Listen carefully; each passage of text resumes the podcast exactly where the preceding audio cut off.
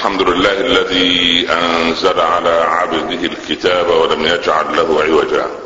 سبحانه له دعوة الحق حرص عليها وأوجب التبشير بها ولتكن منكم أمة يدعون إلى الخير ويأمرون بالمعروف وينهون عن المنكر وأولئك هم المفلحون.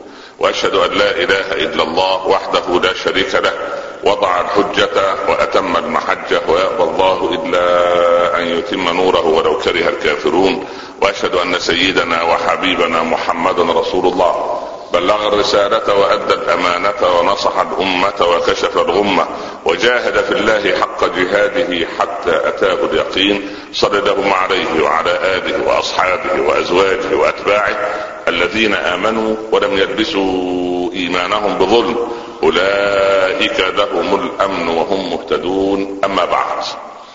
أيها الإخوة المسلمون كان الخليل عليه وعلى نبينا الصلاة والسلام أستاذ فن المناظرة. وأستاذا في الحوار والجدل بالتي هي أحسن مع الذين ينكرون رب العباد وينكرون الحق لأن قلوبهم غلقت عن قبول الحق. نسأل الله سبحانه أن يفتح قلوبنا لقبول الحق وقول الحق. إنك يا رب أنت الحق تهدي إلى الحق المبين. سيدنا إبراهيم تحاور مع هذا الرجل المجرم النمرود وادعى النمرود كذبا وزورا أنه يستطيع أن يحيي وأن يميت.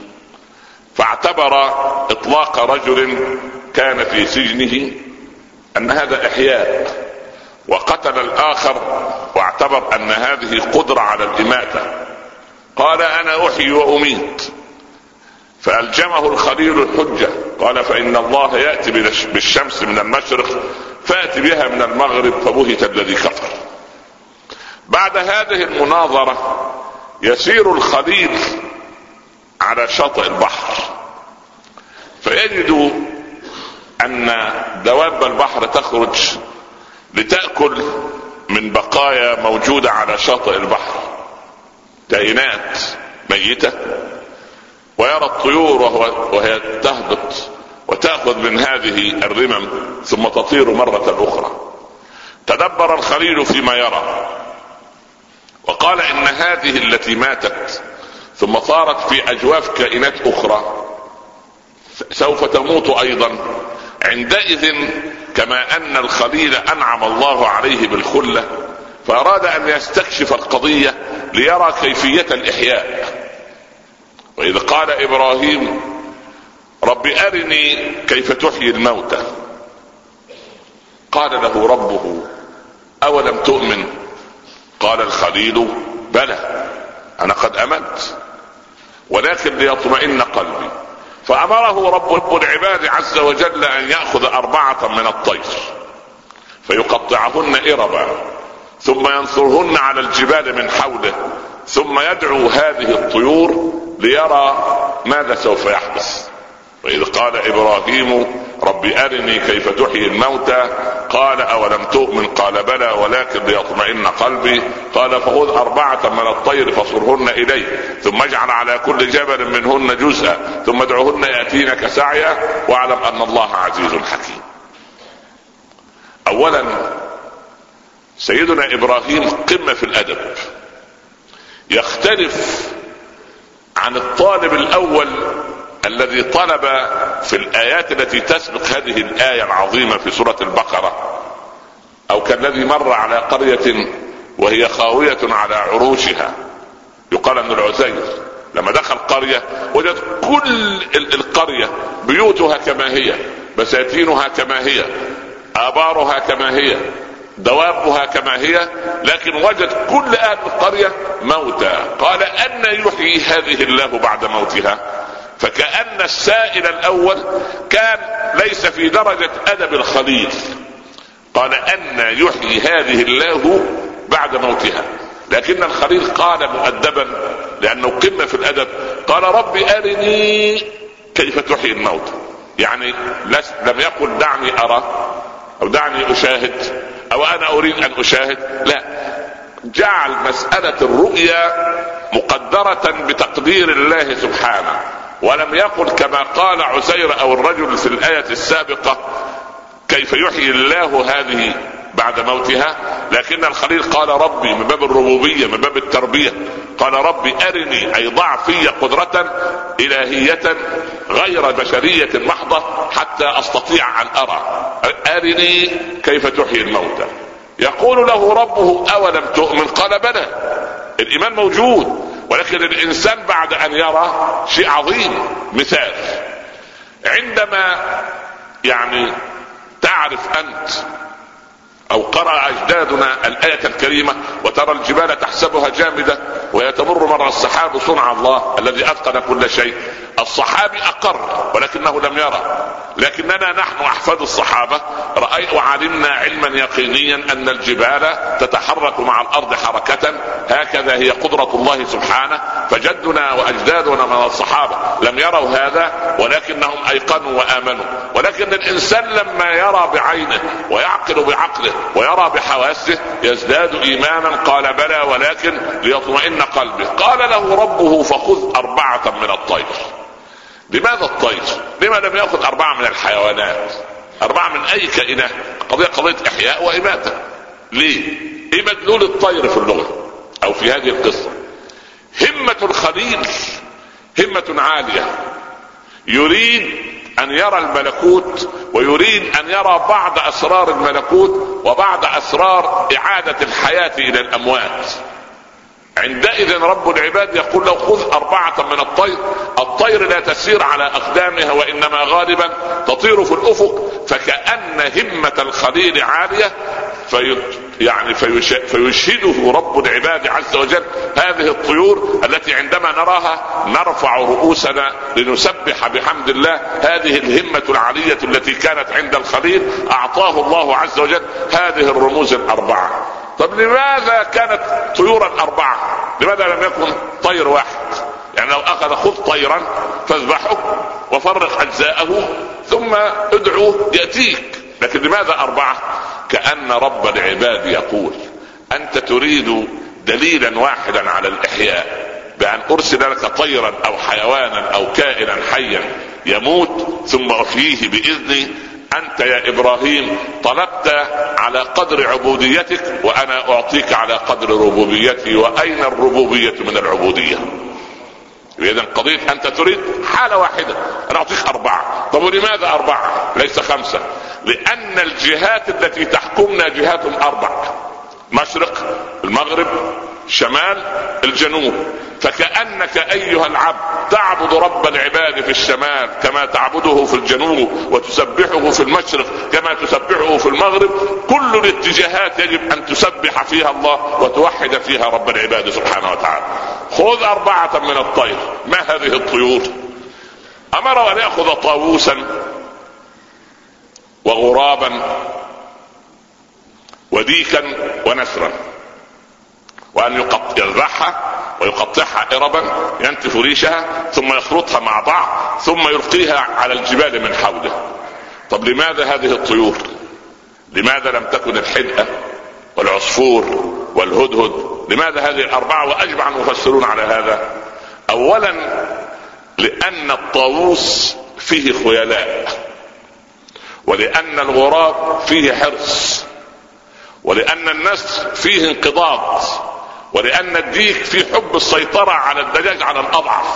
فكأن الله يقول يا إبراهيم ويا من تؤمن برب إبراهيم عليك أن تنحي هذه الصفات الأربعة الموجودة في هذه الطيور الأربعة.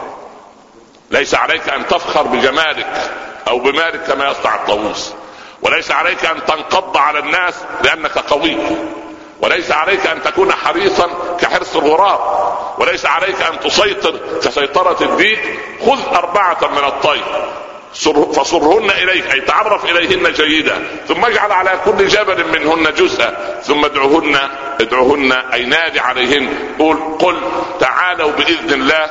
كما أن الخليل يريد أن يقول يا ربي لقد طلبت مني أن أذبح ولدي إسماعيل وقد كان كائنا حيا أي إنسان فيه روح فطلبت مني أن أحوله بلا روح عند الذبح فامتثلت لأمرك يا رب فاجعلني أشاهد من لا روح فيه تدب فيه الروح مرة أخرى. يعني الإسماعيل طلبت مني انه كائن حي. اذبح ولدك. يا بني إني أرى في المنام أني اذبحه فلما اقتربت من تنفيذ أمرك أوقفتني يا رب. رغم أنني كنت عازما على تنفيذ امرك بأن أجعل الذي له روح لا روح فيه. فيا رب بقدرتك اجعل ما, ما لا روح فيه أن تدب فيه الحياة مرة أخرى. فلما سبحان الله وزع هذه الاجساد وهذه الأجزاء من الطيور على الجبال المحيطة به عندئذ ادعهن يأتينك سعيا. اولا هذه الطيور تطير. لكن يا إبراهيم لما تدعوها تأتيك سيرا على الأقدام. يسعى الإنسان يسعى على الأرض يعني يحث يغذ في السير يسرع في الحركة. هذا هو الإيه؟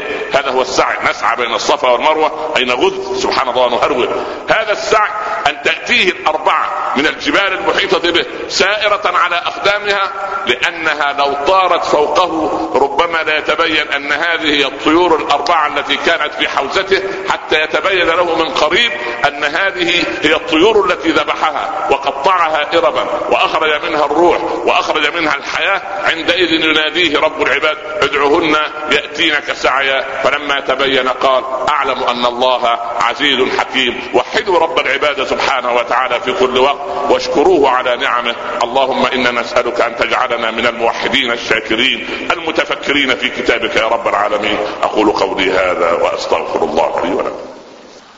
أحمد الله رب العالمين وأصلي وأسلم على سيدنا رسول الله صلى الله عليه وسلم. أما بعد أحبتي في الله إن التدبر في كتاب الله عز وجل يرقق القلب. ويشحن الإنسان دائما بالقوة. أيها الإنسان المسلم الصادق الموحد أريد أن أقول لك كلمات محددة تعليقا على هذه القصة العظيمة في سورة البقرة. اولا الله وحده هو القادر على إحياء الموتى. وقد يصاب الإنسان لكثرة ذنوبه بموات قلبه. فمن الذي يحيي موات قلوبنا؟ الله رب العالمين. وكيف يحييها؟ إذا لم يرد الإنسان صاحب القلب نفسه أن يحيي قلبه. كيف أحيي قلبي؟ كيف أحييه؟ وهو مليء بالحسد وبالحرص وبالغل وبالكبر وبالفخر والخيلاء والسيطرة كما هي سلوكيات الطيور الأربعة. كيف؟ هذا قلب لا يعرف أن يعود إلى الحياة مرة أخرى. إن القلوب أنواع. قلب فيه ذكر الله وقلب فيه أنه موصول بالله وقلب الدنيا فيه طافحة. من حب الدنيا والتمسك بها وإذا ضاع شيء حزن عليه إذا مرض حزن إذا صنع كذا حزن لأنه قلب ليس موصولا برب العباد سبحانه وتعالى. هذا هو الأمر الأول. الأمر الثاني يا من فقدت الأمل في هداية ولدك أو هداية ابنتك أو زوجتك أو زوجك. أو مديرك في العمل أو من يعمل تحت يدك إلجأ إلى رب العباد كما لجأ الخليل وقال رب أرني كيف تحيي الموتى قل يا رب اللهم احي لي موات قلب ابني اللهم احي لي موات قلب ابنتي اللهم اهد لي زوجتي اللهم اهد لي جاري رب العباد سبحانه يقول للشيء كن فيكون فلا يستعظمن إنسان أحدا على رب العباد سبحانه وتعالى فاللهم اجعلنا من الذين تستجيب لهم دعاءهم يا رب العالمين. الأمر الثاني وهو أمر مهم. المسلم قبل أن أغادر هذا المكان لأن الشمس شديدة الحرارة على إخواننا خارج المسجد. اللهم أظلنا بظل عرشك وما لا ظل إلا ظله. المسلم يجب أن يفرغ وقته قليلا لمن يعود. كيف؟ لأن هذا إحياء موات القلب. العلاقات تموت بين الأب والابن بين الأب والبنت بين الأم وبناتها بين الزوج وزوجته. بماذا؟ بأننا لا يتفرغ أحدنا للآخر. قال الولد لأبيه. يا أبتي أريد أن أجلس معك ساعة. قال الوالد يعني أنا ليس عندي وقت وأنت لا تدرك أن هذه الساعة يعني انفق أنا يعني يعني اكسب فيها أنا 100 درهم. فلا ليس عندي وقت يا بني.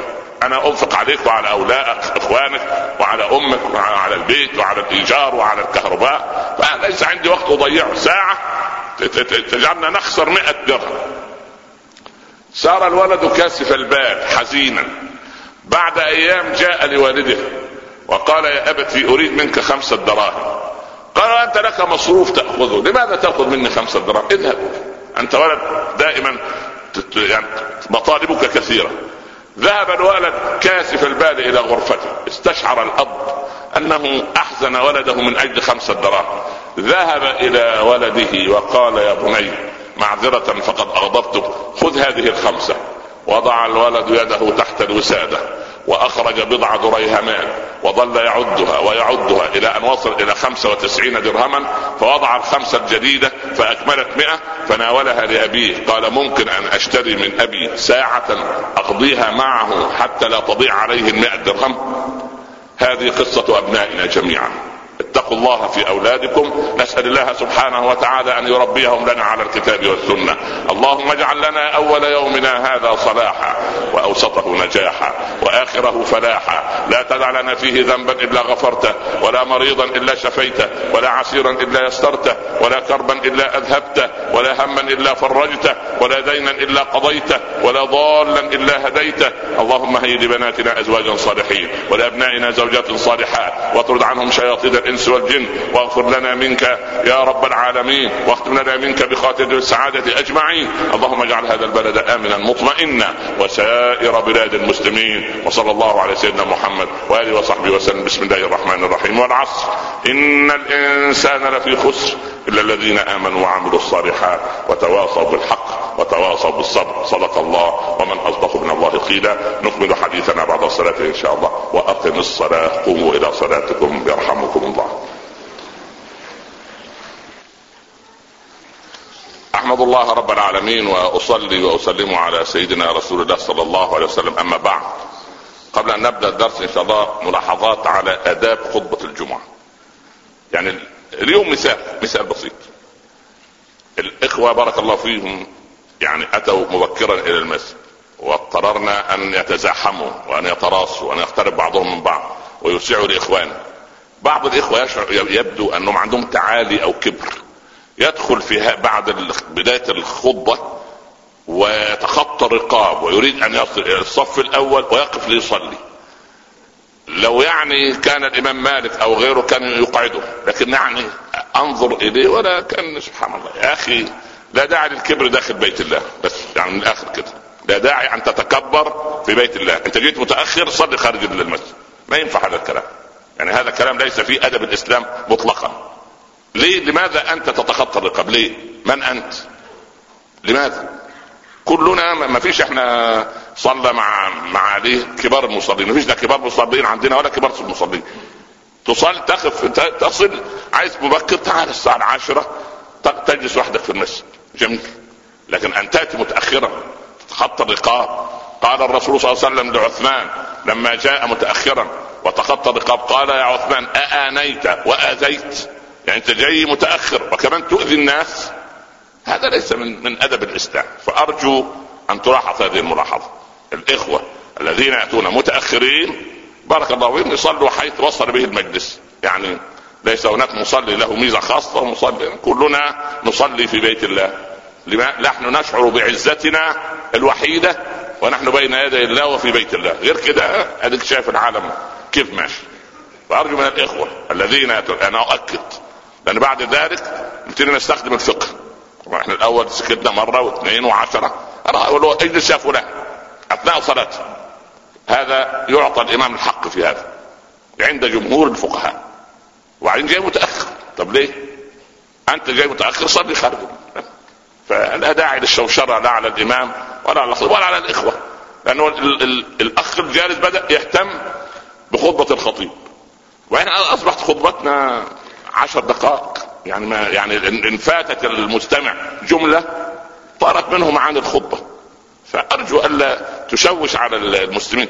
لذلك كان فقه الرسول صلى الله عليه وسلم قال من مس الحصى فقد لغى. يعني مس الحصى. يعني واحد بيلعب في السجادة وهو جالس أثناء الخطبة. يعني الرسول يطالبنا بالإنصات التام لأنها تشبه الصلاة. الجمعة هي مقام الظهر. الظهر أربع ركعات.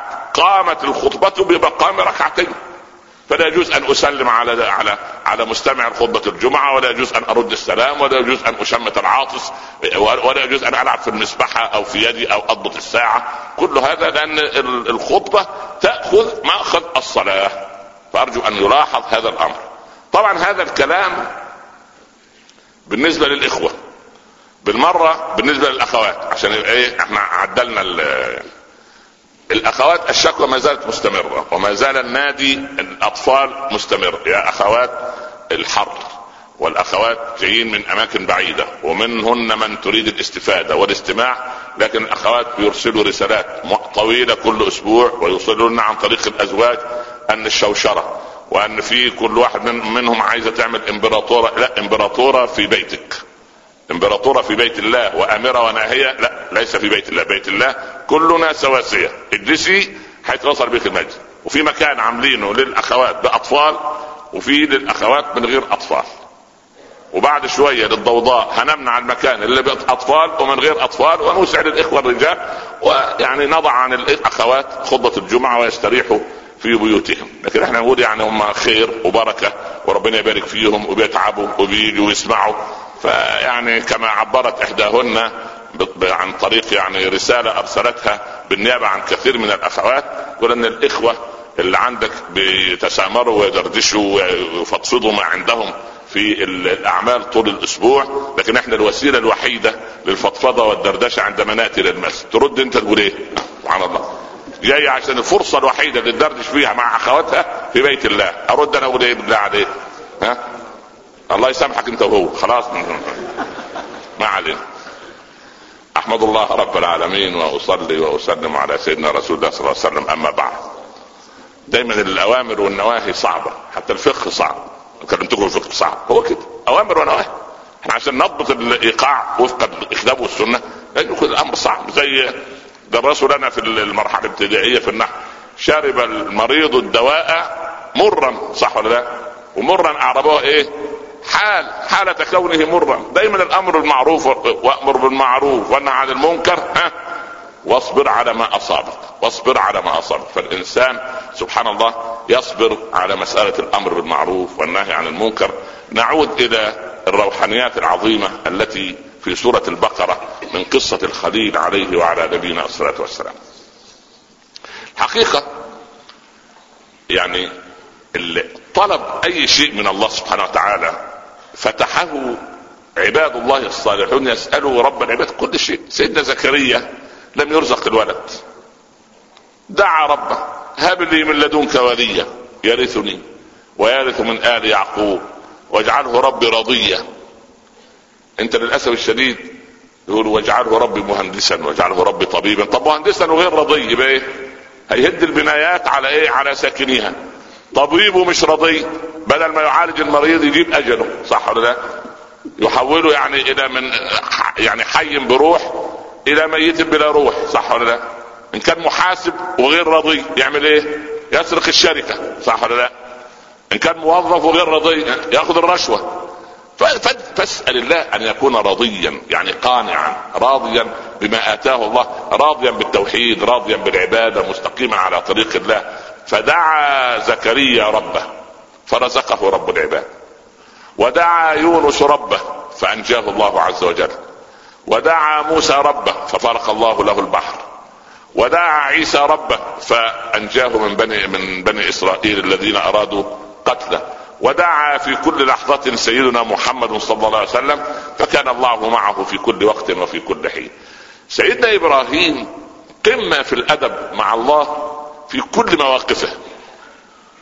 في مرة يبدأ الخليل قبل الدعاء بالثناء على الله. هذا أدب.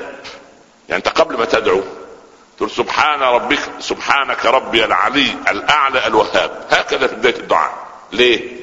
تفتح الدعاء بالثناء على الله. هكذا قال الإيه؟ الخليل. قال ربي ربي يدعو يثني على الله بالربوبية. ربي. لكن عزيز ماذا قال؟ قال أن يحيي هذه الله بعد موتها. هذا يعني أقل أدبا لكن الأدب الكامل عند الخليل. الأدب الكامل عند واحد بعد ما يطلع من المسجد يقول كده أنت تقول على عزير وهو نبي من الأنبياء. من الذي قال إن القصة تخص عزير؟ هذا اجتهاد المفسرين. هناك من المفسرين من يقولون إن هذا الذي قال أن يحيي هذه الله بعد موتها رجل من الكفار. بل كافر. من باب التعجيز. أن يحيي هذه الله لم يقل ربي. زي بني إسرائيل لما راحوا لسيدنا عيسى. يا عيسى ابن مريم ها هل يستطيع ربك؟ مش هل يستطيع ربنا؟ مش ادعو ادعو لنا الله؟ لا. هل يستطيع؟ سوء الأدب في السؤال. هل يستطيع ربك؟ هذا سوء أدب. لكن سيدنا إبراهيم قمة الأدب. يقول الذي خلقني فهو يحييني والذي هو يطعمني ويسقيني ها وإذا ها مرضت إذا مرضت خلي بالك إذا مرضت هي نص سياق النص يقتضي إيه الذي خلقني ها فهو يحييني والذي الذي خلقني ها والذي هو يطعمني ها كان سياق يقول إيه وإذا أمرضني ها فهو لكن ادبا مع الله ماذا قال؟ ها إذا مرضت أنا أنا سبحان الله. هكذا كان الخضر مع الكريم قمة الأدب. جه الخير قال فأراد ربك أن يبلغ أشدهما ويستخرج كنزهما. ده في الخير. في الشر في عيب السبيل. قال إيه؟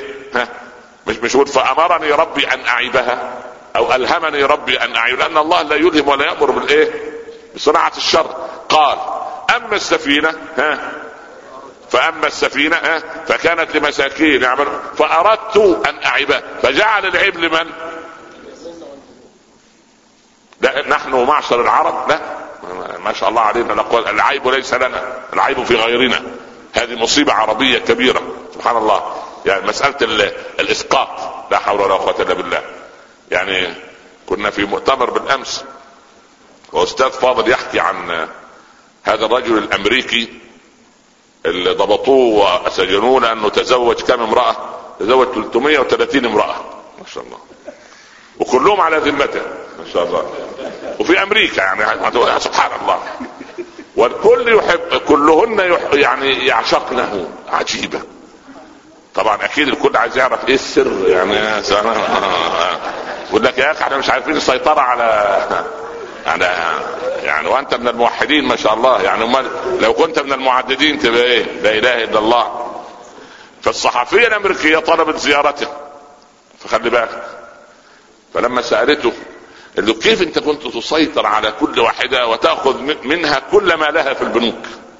هو يسيطر عليها وياخذ يعني يا سلام على الزواج اللي كله مكاسب ده. يعني يستولي على الزوجة وعلى رصيدها. يعني سبحان الله. فانظر إلى الرجل.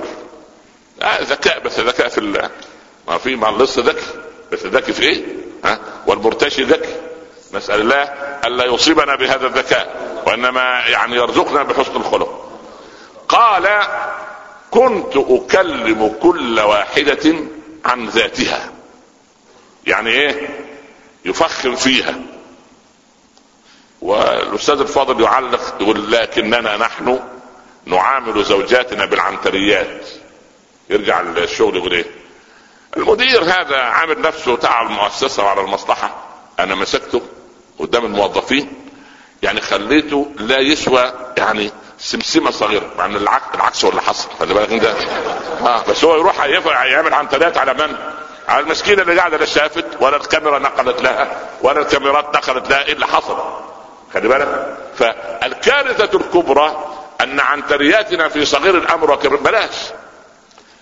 خل اسأل أي موظف في أي مصلحة. وده فلان. بيرضي الله كده. بيني وبينك كأخ يعني. مين أخلص إنسان في المؤسسة دي؟ ها؟ الإجابة إيه؟ يقول لك أنا. لك معقول ده سؤال تسأله يا أستاذ مع إنك ذكي. أنا. والله عارف المصلحة دي قائمة على دماغي أنا. أنا في بتاع في الأمس أقول أهو واحد يطلع من منكم كده يقول إيه؟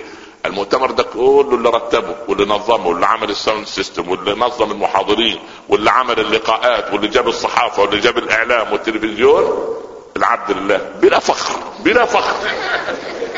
امال والله ابننا بيضحك سبحان الله. طب, طب لا إله إلا الله. امال بلا فخر أمال أين الفخر يا أخي؟ سبحان الله. هذه الكارثة.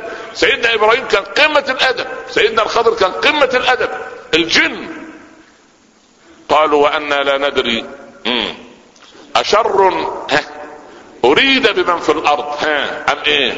أم أراد بهم ربهم رشدا. في الرشد. بأي إرادة أتى؟ ها. ذكر اراده من؟ اراده الله. وجاء في إرادة الشر وقال أشر؟ أريد بمن في الأرض. ده فعل مبني للإيه؟ المجهول. لأنه لا يقول أشر أراد الله لأن الله لا يريد بالعباد إيه؟ شرا. هكذا. هكذا. هذه قمة الأدب. هذه قمة الأدب. سيدنا عيسى أأنت قلت للناس اتخذوني وأمي إلهين من دون الله؟ الآن هو في موقف رد تهمة. صح ولا لا؟ ما هو بنو إسرائيل ادعوا ها أو النصارى قالوا أن الراجل ده قال لنا إيه؟ ها؟ اتخذوني أنا وأمي إلهين. أأنت قلت عشان ما لا يكون للناس حجة على الله عز وجل. أأنت قلت للناس اتخذوني وأمي إلهين من دون الله؟ قال سبحانك سبحانك. إن, إن كنت قلته فقد علمته. شو الأدب؟ أدب التوحيد. تعلم ما في نفسي ولا أعلم ما في نفسك. إنك أنت علام الغيوب. ها؟ ما قلت لهم إلا إيه؟ إلا ما أمرتني به. فلما توفيتني ها؟ كنت أنت الرقيب عليهم. إن تعذبهم فإنهم عبادك. وإن تغفر لهم فإنك أنت الإيه؟ مش الغفور الرحيم. لا العزيز الحكيم. ليه؟ لأنه مش في موقف طلب اعتذار مغفرة. لا ده في طلب إيه؟ ها؟ رد تهمة. فمش موقف إنه يطلب المغفرة للناس دول ده طلب إنه يرد عن نفسه إيه؟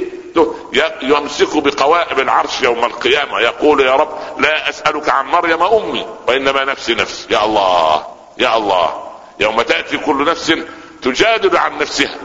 تجادل. سبحان الله. يعني يعني الحجاج كرهه أهل العراق. كان مكروه. فواحد عراقي متمرد راح بالليل ليلة الجمعة وراح كاتب على المنبر اللي يخطب عليه الحجاج. قل تمتع بكفرك قليلا إنك من أصحاب النار. الحجاج وهو طلع على المنبر قرأها الله. فوقف على المنبر. قال أعوذ بالله من الشيطان الرجيم. قل موتوا بغيظكم. لن تنالوا خيرا لا حول ولا ولا, ولا تفرق معه. الله يرحمه الشيخ عبد العزيز البشري كان أبوه شيخ الأزهر. وكان ابنه عبد العزيز ازهري ولكن كان يجلس مع الشعراء والأدباء وكان له في في الفكاهة. فكان يعلم الأولاد وقاسي عليهم اللغة العربية والنحو. فخلع أعزكم الله الجبه اللي يلبسها دي هذه التي يلبسها الإخوة الازهريون وعلقها ودخل يتوضأ. فالأولاد جم بالطباشير ورسموا على ظهر الثوب بتاع الشيخ ده صورة حمار. فخرج من الحمام. قال مين مسح وجهه فيكم في هذه ال يجيب منين الردود السريعة دي سبحان الله العظيم. ما علينا ما علينا. نحن نرفض هذا الكلام المهم ما علينا. المهم فالإنسان سبحان الله في قراءته لكتاب الله يجد هذا الأدب العالي يجد هذا الأدب سيدنا رب أرني يا رب أرني كما قال ربنا عن حبيبنا محمد صلى الله عليه وسلم سبحان الذي أسرى بعبده ليلا من فين؟ من المسجد الحرام إلى المسجد الأقصى الذي باركنا حوله لايه؟ ها مش ليرى ها أو ليشاهد وإنما إيه؟ لنريه يعني إيه؟ في طاقته البشرية هل يرى؟ لا لا إزاي؟ واحد يروح من المسجد الحرام للمسجد الأقصى اللي يضربه دي أكباد الإبل في شهر الرحله تاخد شهرين رايح جاي ويصعد إلى السماء السابعة وينزل ويعود إلى فراشه وفراشه ما زال دافئا يبقى في نقطتين النقطة الأولى أصل فراشه زال دافئا يعني إيه؟ أنت فراشك يبرد بعد كام دقيقة من استيقاظك؟ خمس دقائق عشر ربع ساعة صح ولا لا؟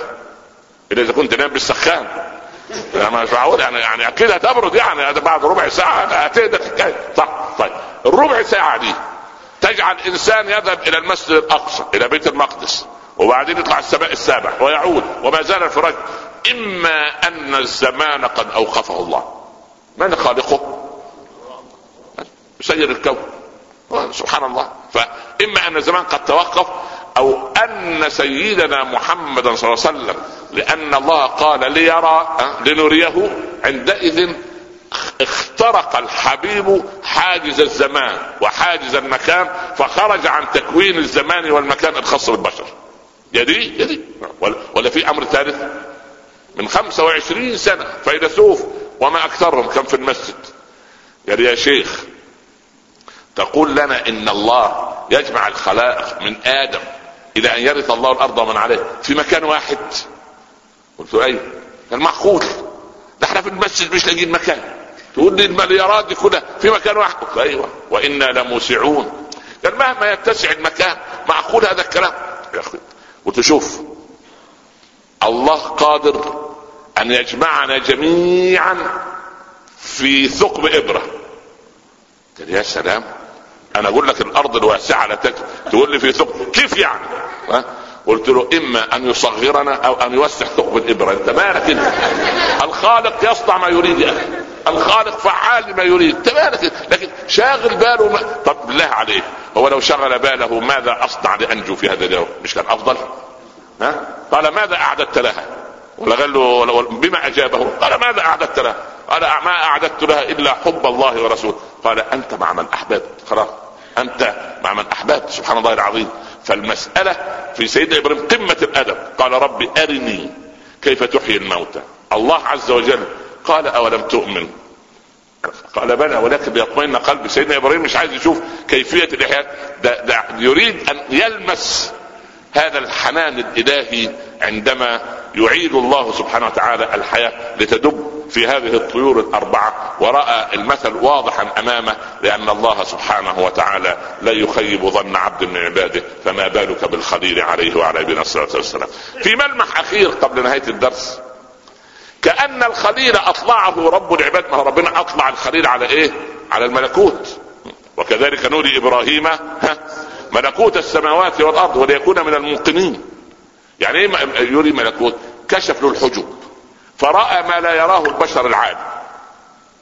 فيبدو أنه قرأ شيئا أن واحدا من أبنائه نبي سوف يعطيه الله القدرة على الإحياء بإذنه سبحانه وتعالى. عيسى ابن مريم. اخلق من الطين إيه كهيئة الطير فأنفخ فيه ها؟ فيكون طيرا فتنفخ فيكون طيرا بإذنه وابرئ الأكمه والأبرص وهكذا سبحان الله. فكأنه يقول يا رب أنت سوف تكرم واحدا من احفادي بقضية الإحياء. فيا ربي أرني كيف تعطيه هذه القدرة فأرني إياها حتى أطمئن لأن الأنبياء كلهم لحمة واحدة. الأنبياء إخوة لعلات أمهات مختلفات امهاتهم شتى ودينهم واحد. من منا لا يشتاق إلى أن يجاور الخليل في الجنة؟ كلنا.